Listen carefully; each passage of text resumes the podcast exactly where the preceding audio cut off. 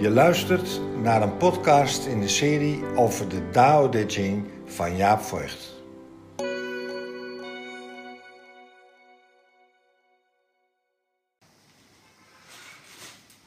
Nou mensen, dit wordt uh, deel 2 van uh, De Meester leest voor.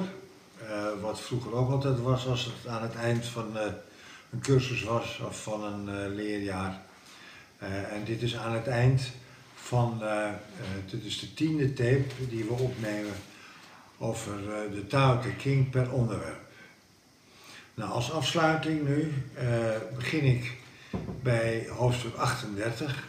Vorige keer heb ik de meeste leest voor deel 1, is dat tot dat hoofdstuk gegaan. Heb ik voorgelezen uit hoofdstukken die ik mooi vond en interessant. Hoofdstuk 38 wordt, af, wordt eh, door de commentatoren gezien als de start van het tweede deel van de Tao Te Ching.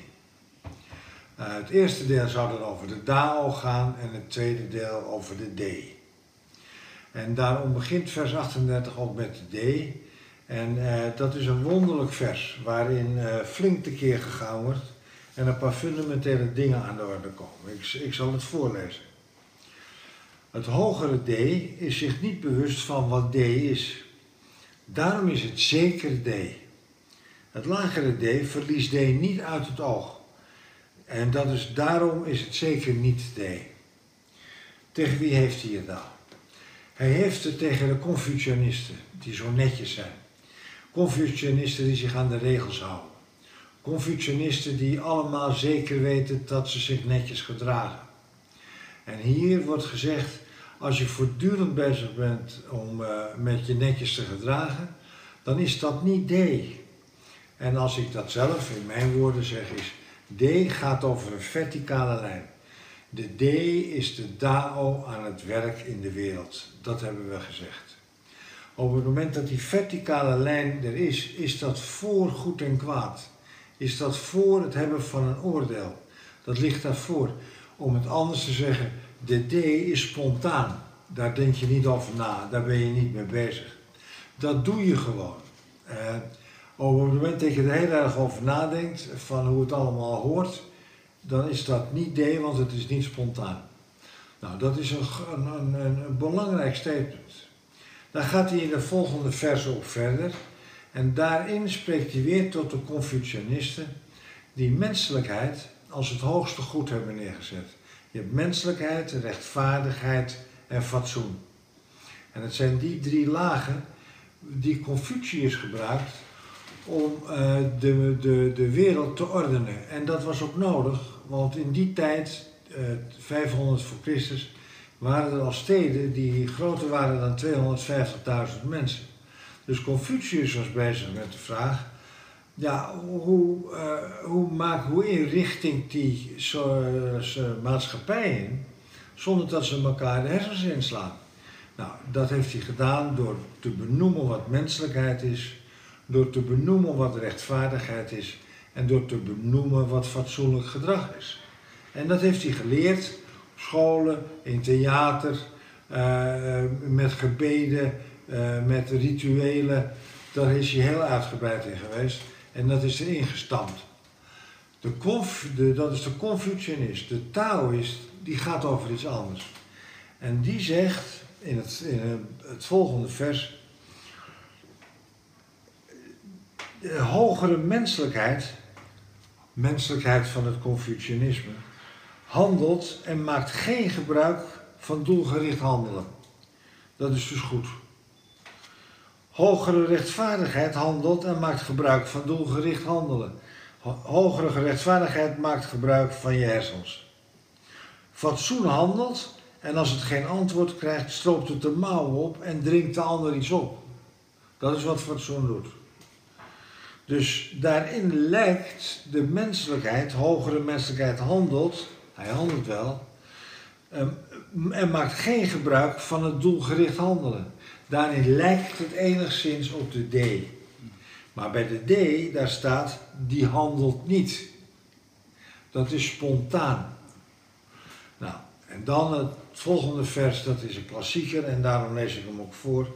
Daarom, als Dao verloren gaat, komt daarna D. Dat is voor het gedicht erin gezet. Daar zijn alle commentatoren het over eens. Dao en D ze hangen samen. Als de Dao verloren gaat, dan komt de D. Die gaat ook verloren. Als de D verloren gaat, dan komt de menselijkheid daarna. Als de menselijkheid verloren gaat, dan komt de rechtvaardigheid. En als de rechtvaardigheid verloren gaat, ja, dan moet je het met fatsoen doen. Hierin zie je de degeneratie die plaatsvindt volgens een Taoïst. Op het moment dat het niet meer de Tao en de D van de verticale lijn is, moet je het met menselijkheid, rechtvaardigheid en fatsoen in het horizontale vlak doen. En daarin is fatsoen het laatste.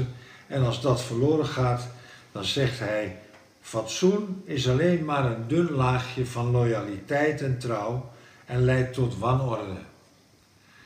En daarin is eigenlijk eh, heel veel gezegd over de verhouding tussen, dat is ook vers 38, over de verhouding tussen eh, de, het Taoïsme en het Confucianisme.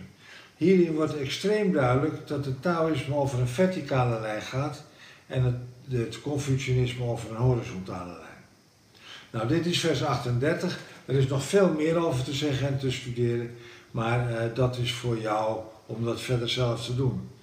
Uh, deze, uh, dit einde gaat over de, de, de versen waar ik zelf verwonderd over ben en waar ik zelf plezier in heb en die ik jou nog wil vertellen aan het eind van deze leergang. Het volgende vers wat ik wil behandelen gaat over keuzes in je leven. En dat is hoofdstuk 44. En hoofdstuk 44, ik lees voor, dat zegt: Bekendheid af leven, wat staat je nader? Leven af goederen, wat is je meerwaard? Winst af verlies, wat is schadelijker? Hier staat bekendheid of leven. Dus bekendheid, dat is dat je een bekende Nederlander wordt. Leven is dat je je bezighoudt met wat het leven je brengt. Wat staat je nader? Ben je bezig met bekendheid te verwerven of ben je bezig met het leven te leven? Dat zijn twee hele verschillende dingen. Het andere, leven of goederen. Wat is je meerwaard? Dus het doorgaande leven of dat je veel bezittingen hebt, veel op de bank staat. En dan komt er een winst of verlies. Wat is schadelijker? En daarin wordt iets gezegd wat heel wonderlijk is. Het zou kunnen zijn, wordt hier gezegd, dat als je alleen maar bezig bent met bekendheid en alleen maar bezig bent met goederen en je ziet dat als winst, dat je eigenlijk helemaal niet weet of dat winst is. Dat zou best eens verlies kunnen zijn. Uh, als je alleen maar bezig bent met leven en je bent alleen maar bezig met hoe dat in elkaar zit en hoe de ervaringen, hoe je die verwerkt en hoe je de volgende stap zet in je leven en als je uh, daarmee bezig bent, dan kan het zijn dat je het gevoel hebt dat je verlies leidt ten opzichte van de buitenwereld, die bezig is met het andere. En dan komt de vraag: winst of verlies, wat is schadelijker? Dat is een goede vraag. Dan gaat hij verder in dat vers en hij zegt: extreme liefde voor bekendheid moet als regel duur betaald worden. Veel verzamelen van goederen moet zeker tot zware verliezen leiden. Hij vertelt hier een wet die nog steeds geldt. 2500 jaar geleden is het opgeschreven. En hij sluit af met: Daarom, door tevreden te zijn met je lot, zul je niet in ongenade te vallen. En nu, door te weten wanneer je moet stoppen, zul je geen gevaar lopen. Dan kan je het lang uithouden. Door te weten wanneer je moet stoppen, zul je geen gevaar lopen. Dan zul je het lang uithouden. Hier gaat het erover dat, waar, dat die expansie en meer goederen en meer bekendheid en nog meer. Als je niet weet te stoppen, dat zal duur betaald worden. Uh, tevreden te zijn met je lot. Toen ik dat voor het eerst las, dacht ik, ik ben helemaal niet tevreden met mijn lot. Ik wil dit nog en ik wil dat nog en ik wil dat nog. En naarmate ik het meer las en dacht, ben ik nou tevreden met mijn lot? Want als ik niet tevreden ben met mijn lot, als ik tevreden ben met mijn lot, zal ik niet in ongenade vallen. En toen werd het me steeds duidelijker in de loop van jaren, want deze zin komt nog een keer voor in de Tao. Werd het me duidelijk dat tevredenheid met waar je nu bent, is met alles wat erop en eraan zit. En dat dit het nu is, dat is dat je een basis creëert waarvan je zegt, this is it. Hier moet ik het mee doen. En dan blijkt ook dat je het hiermee kan doen. En dat hiermee volgende stappen komen.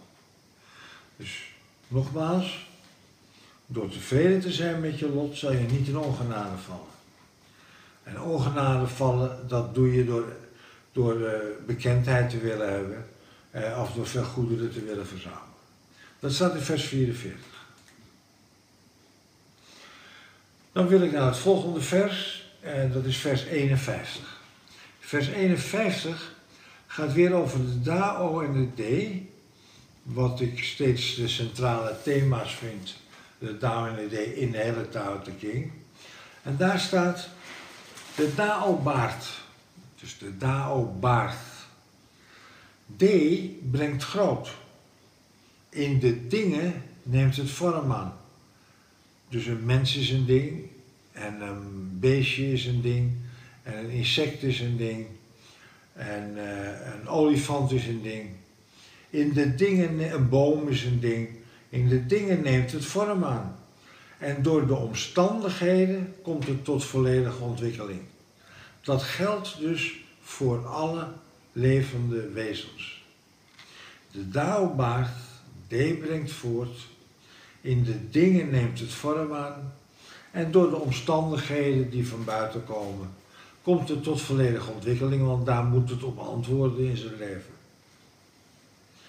En wat ik, eh, dan ga ik naar vers 3. De Dao-baard, dat is al eerder gezegd. D, en nu komt er, brengt groot, dat hebben we al gezien in het eerste vers. Maar hier gaat hij nog verder. D brengt groot, doet groeien, voedt op, beschut, rijpt, voedt en beschermt. Doet groeien, voedt op, beschut, rijpt, voedt en beschermt. En dit maakt voor mij, is het vers waar D, Dao aan het werken in de wereld, eigenlijk heel duidelijk gemaakt wordt. Verrassend duidelijk. Ben je bezig met opvoeden? Dat gaat, dat gaat dag voor dag. Ben je bezig met beschutten? Ben je bezig met de dingen te laten rijpen? Ben je bezig met de dingen te omvatten en te beschermen? Als je daarmee bezig bent, dan ben je verbonden met de Dao en dan ben je bezig in de wereld met de dingen die er zijn op deze manier. En dat wordt bevestigd in het, vers daarna. Voortbrengen, maar er geen bezit van nemen. Handelen, maar er niet afhankelijk van zijn, van de uitkomst. Laten groeien, maar er niet overheersen. Dit wordt diepgaande D genoemd. En hier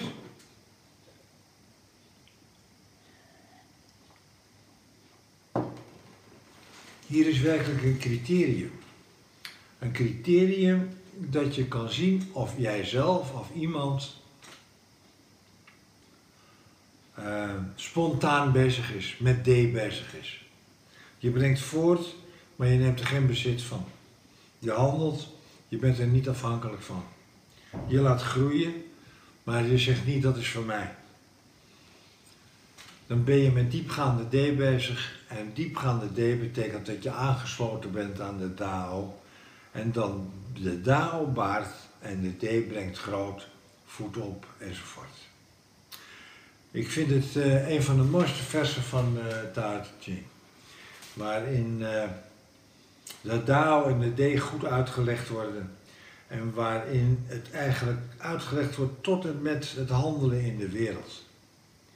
Dus dat is vers 51. Dan spring ik een heel eind weg. En dan heb ik nog de laatste twee versen. Vers 80 en 81. En daartussendoor staan heel erg veel mooie versen. Versen waarvan we er al veel behandeld hebben. Maar nu ga ik naar 80 en 81. En dat zijn beroemde woorden. Uh, beroemde woorden. vers 80, daar staat: Laat er een klein land zijn met weinig mensen. Zorg dat er werktuigen zijn. Dingen die werken voor 10 man en voor 100 man, maar gebruik ze niet. En dan staat er een heel, een hele serie van wat de mensen allemaal hebben. Maar laat hun genieten van hun voedsel, hun kleren mooi maken, tevreden zijn met hun verblijfplaatsen, blij zijn met hun gewoonten. Dat is wat je de mensen en jezelf toewenst. Toe, uh, wat is dat nou? Ik heb daar zo over nagedacht. Wat is dat nou? Laat het een klein land zijn met weinig mensen. Waarin van alles aanwezig is, waarin er een bepaald soort rijkdom is en waarin bepaalde rituelen zijn, waarin je geniet van voedsel. Je kan het zo zeggen dat een klein land, dat zijn eigenlijk je naasten. Dat zijn de mensen waarmee je vertrouwd bent. Dat, zijn, dat is je naaste cirkel. Dat kan zijn je familie, uh, vaak is dat ook niet zo, maar soms ook wel. Het kan zijn de mensen waarmee je werkt, het kan zijn de mensen waarmee je in een geestelijke beweging zit, een uh, groep die samen aan het studeren is. Uh, dat is wat er bedoeld wordt met laten een klein land zijn. Waarin in dat kleine land er een vorm van vervulling ontstaat, een, vorm van overvloed, die zich uit in het is genoeg. En laten we ervan genieten wat we hebben. Laten we, uh, laten we daar blij mee zijn. En laten we niet alleen maar meer en meer en meer willen. Laten we een klein land zijn met weinig mensen. Dat betekent, ik wil zorgen voor een beperkt aantal mensen. 20, 30, 40. Dat is, dat is, maar je 500 beste vrienden, die bestaan niet. Ja, dan ben je bezig met het verwerven van bekendheid. Nou, dan heb ik het laatste vers en dan uh, stopt het ook. Dat is vers 81. 9 keer 9 hoofdstukken van de Tao Te Ching. 9, het getal van de onveranderlijkheid. De Tao Te Ching, 9 keer 9 hoofdstukken. Het boek van het onveranderlijke hoofdstuk 91. Ware woorden zijn niet mooi. Mooie woorden zijn niet waar. Ware woorden zijn niet mooi. Als je ware woorden zegt, kan het even slikken zijn.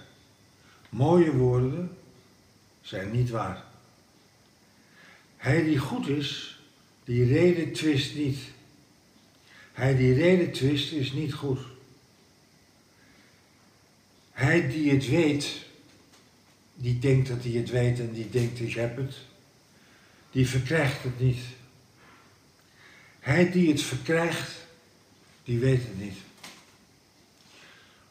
Hier zie je het Taoïsme in zijn, um, in zijn uh, werkelijke paradoxale aanwezigheid. Het zijn steeds paradoxale dingen. En als je daarin op en neer gaat, dan denk je steeds, wat bedoelt hij nou? Wat wordt hij nou gezegd? En dan ga je in en dan ga je weer een andere kant uit. Ware woorden zijn niet mooi. Dus als ik zeg waar het op staat, dan hoeft dat niet mooi te zijn. Mooie woorden zijn niet waar. Hoeveel mensen hebben mooie woorden? Mooie woorden die dekken dat er geen inhoud aan zit. Mooie woorden van de, uh, in, als, de, uh, als, de, uh, als we naar de verkiezingen toe gaan. Mooie woorden zijn niet waar. Op het moment dat je goed bent, dan reden twist je niet. Je hebt het goed zelf, is klaar. Hij die goed is, reden twist niet. Hij die reden twist en maar heen en weer gaat in de competitie, de beste wil zijn, uh, Amerikaanse, uh, in New Yorkse advocaten die tegen elkaar alleen maar reden twisten. Niet goed. Hij die het weet, wat ik straks al zei, die zegt, ik, mij hoef je niks meer te vertellen, die verkrijgt het niet. Wat verkrijgt hij nou niet? Hij verkrijgt die verticale lijn niet. Staat hij niet meer voor open. Hij verkrijgt de zegen van de Dao en de D niet. Hij die het verkrijgt, die weet het niet. Eh, die zegt, ja, ik weet niet hoe het gekomen is, maar plotseling had ik het gevoel dat ik ook genade kende. Maar waar het precies van komt, weet ik het niet. Dat staat er. Het vers eindigt, er staat nog iets tussen. Maar het vers, uh, dit hele boek eindigt met het daal van de hemel doet het goede en schaadt niets. Het daal van de wijze heeft werking en bestrijdt niets. Daal van de hemel. Dus weer de verticale lijn. De daal van de wijze, dat is degene die in de wereld de daal en de de belichamen. Ze hebben werking en ze strijden, bestrijden niets. Ze blijven hun gang gaan. Het zijn de laatste teksten uit Dao De Ching. En uh, ik, uh, ja, ik wil als laatste iets zeggen over hoe je dat boek kan bestuderen. Dat kan namelijk op verschillende manieren. Ik raad je aan om het op je nachtkastje te leggen of ergens vlakbij. En af en toe open te slaan. Zomaar in het midden. En te kijken uh, door welke zin je geraakt wordt. En dan blijf je bij die zin. Wat betekent het? Of door een stukje. Meer is niet nodig. Want in de loop van de tijd zul je merken dat je denkt, hé, hey, ja, dat ken ik. En dan blijkt dat je bevestigd wordt door de Tao Te Ching, door de ervaringen die je in het leven gehad hebt. Oh ja, toen was het zus, oh ja, toen deed ik dat niet. En toen heb ik geleerd om dat wel te doen. Of toen deed ik dat wel en toen heb ik geleerd om het niet te doen. Oh ja, dat staat dat wordt bevestigd. Je kan het ook zo zeggen. Leren door ervaring is eigenlijk, dat moet ieder mens doen. Alleen maar kennis van buiten leren, wat nu op scholen gebeurt, dan, dan kom je nooit in de Tao Te Ching. Als je in de Tao Te Ching bezig bent, dan leer je door ervaring. Dan wordt dat bevestigd. Een ander element is wat ik nog wil zeggen, dat de mens die zo leert, een afspiegeling is van de macrokosmos. Daar wordt ook vaak aan gerefereerd. Dus werkelijk het allergrootste geheel daar is de mens een afspiegeling van. En dat betekent dat die mens een belangrijk is in het geheel, met zijn bewustzijn, en dat die dient voldoen, te voldoen aan de regels, aan de wetmatigheden, ik wil het geen dogma's noemen, die, die, die gelden in de kosmos. En dat die regels van die kosmos eigenlijk opgedrongen worden, ook aan de mens, want die is daar onderdeel van. Die mensen als afspiegeling.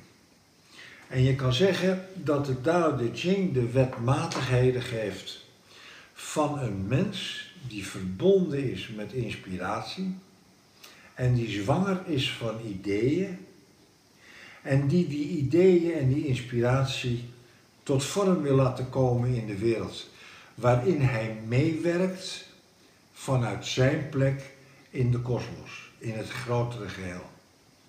En daarin zeg ik eigenlijk iets wat ik vandaag de dag als laatste wil zeggen. We zijn vaak, als we naar de situatie in de wereld kijken, is de mensheid op het ogenblik in grote mate van God los. En dat bedoel ik, hij is los van deze kosmische wetmatigheden. Hij denkt werkelijk of zij dat zij het alleen kunnen doen. Dat, uh, dat je alles alleen kan verzinnen, dat je niks nodig hebt en alles op kan zoeken op internet. En dat het werkelijk een pad is wat je alleen loopt. En dat er niks anders is. Dat is een vergissing. Daar waar grote groepen, of jij ook, van God los zijn, loopt het niet goed af. En ik ben niet somber, want als niet goed aflopen hoort er ook bij, want dan komt er daarna weer iets anders. Of parallel daaraan gebeuren ook goede dingen. Maar die dingen die van God los zijn, die de neiging hebben om te verdwalen, die verdwalen ook. En dat zijn grote prijzen. Met veel verdriet en veel lijden. De Tao Te Ching geeft in zijn, in zijn diepte, die, die je hele leven kan blijven lezen, geeft hij um, een leidraden, wetmatigheden, waardoor je niet van God losraakt. En uh, dat is waarom ik samen met mijn zoon uh, tien opnamen heb willen maken van rond de 25 minuten om je te introduceren in het Tao. Dank jullie wel.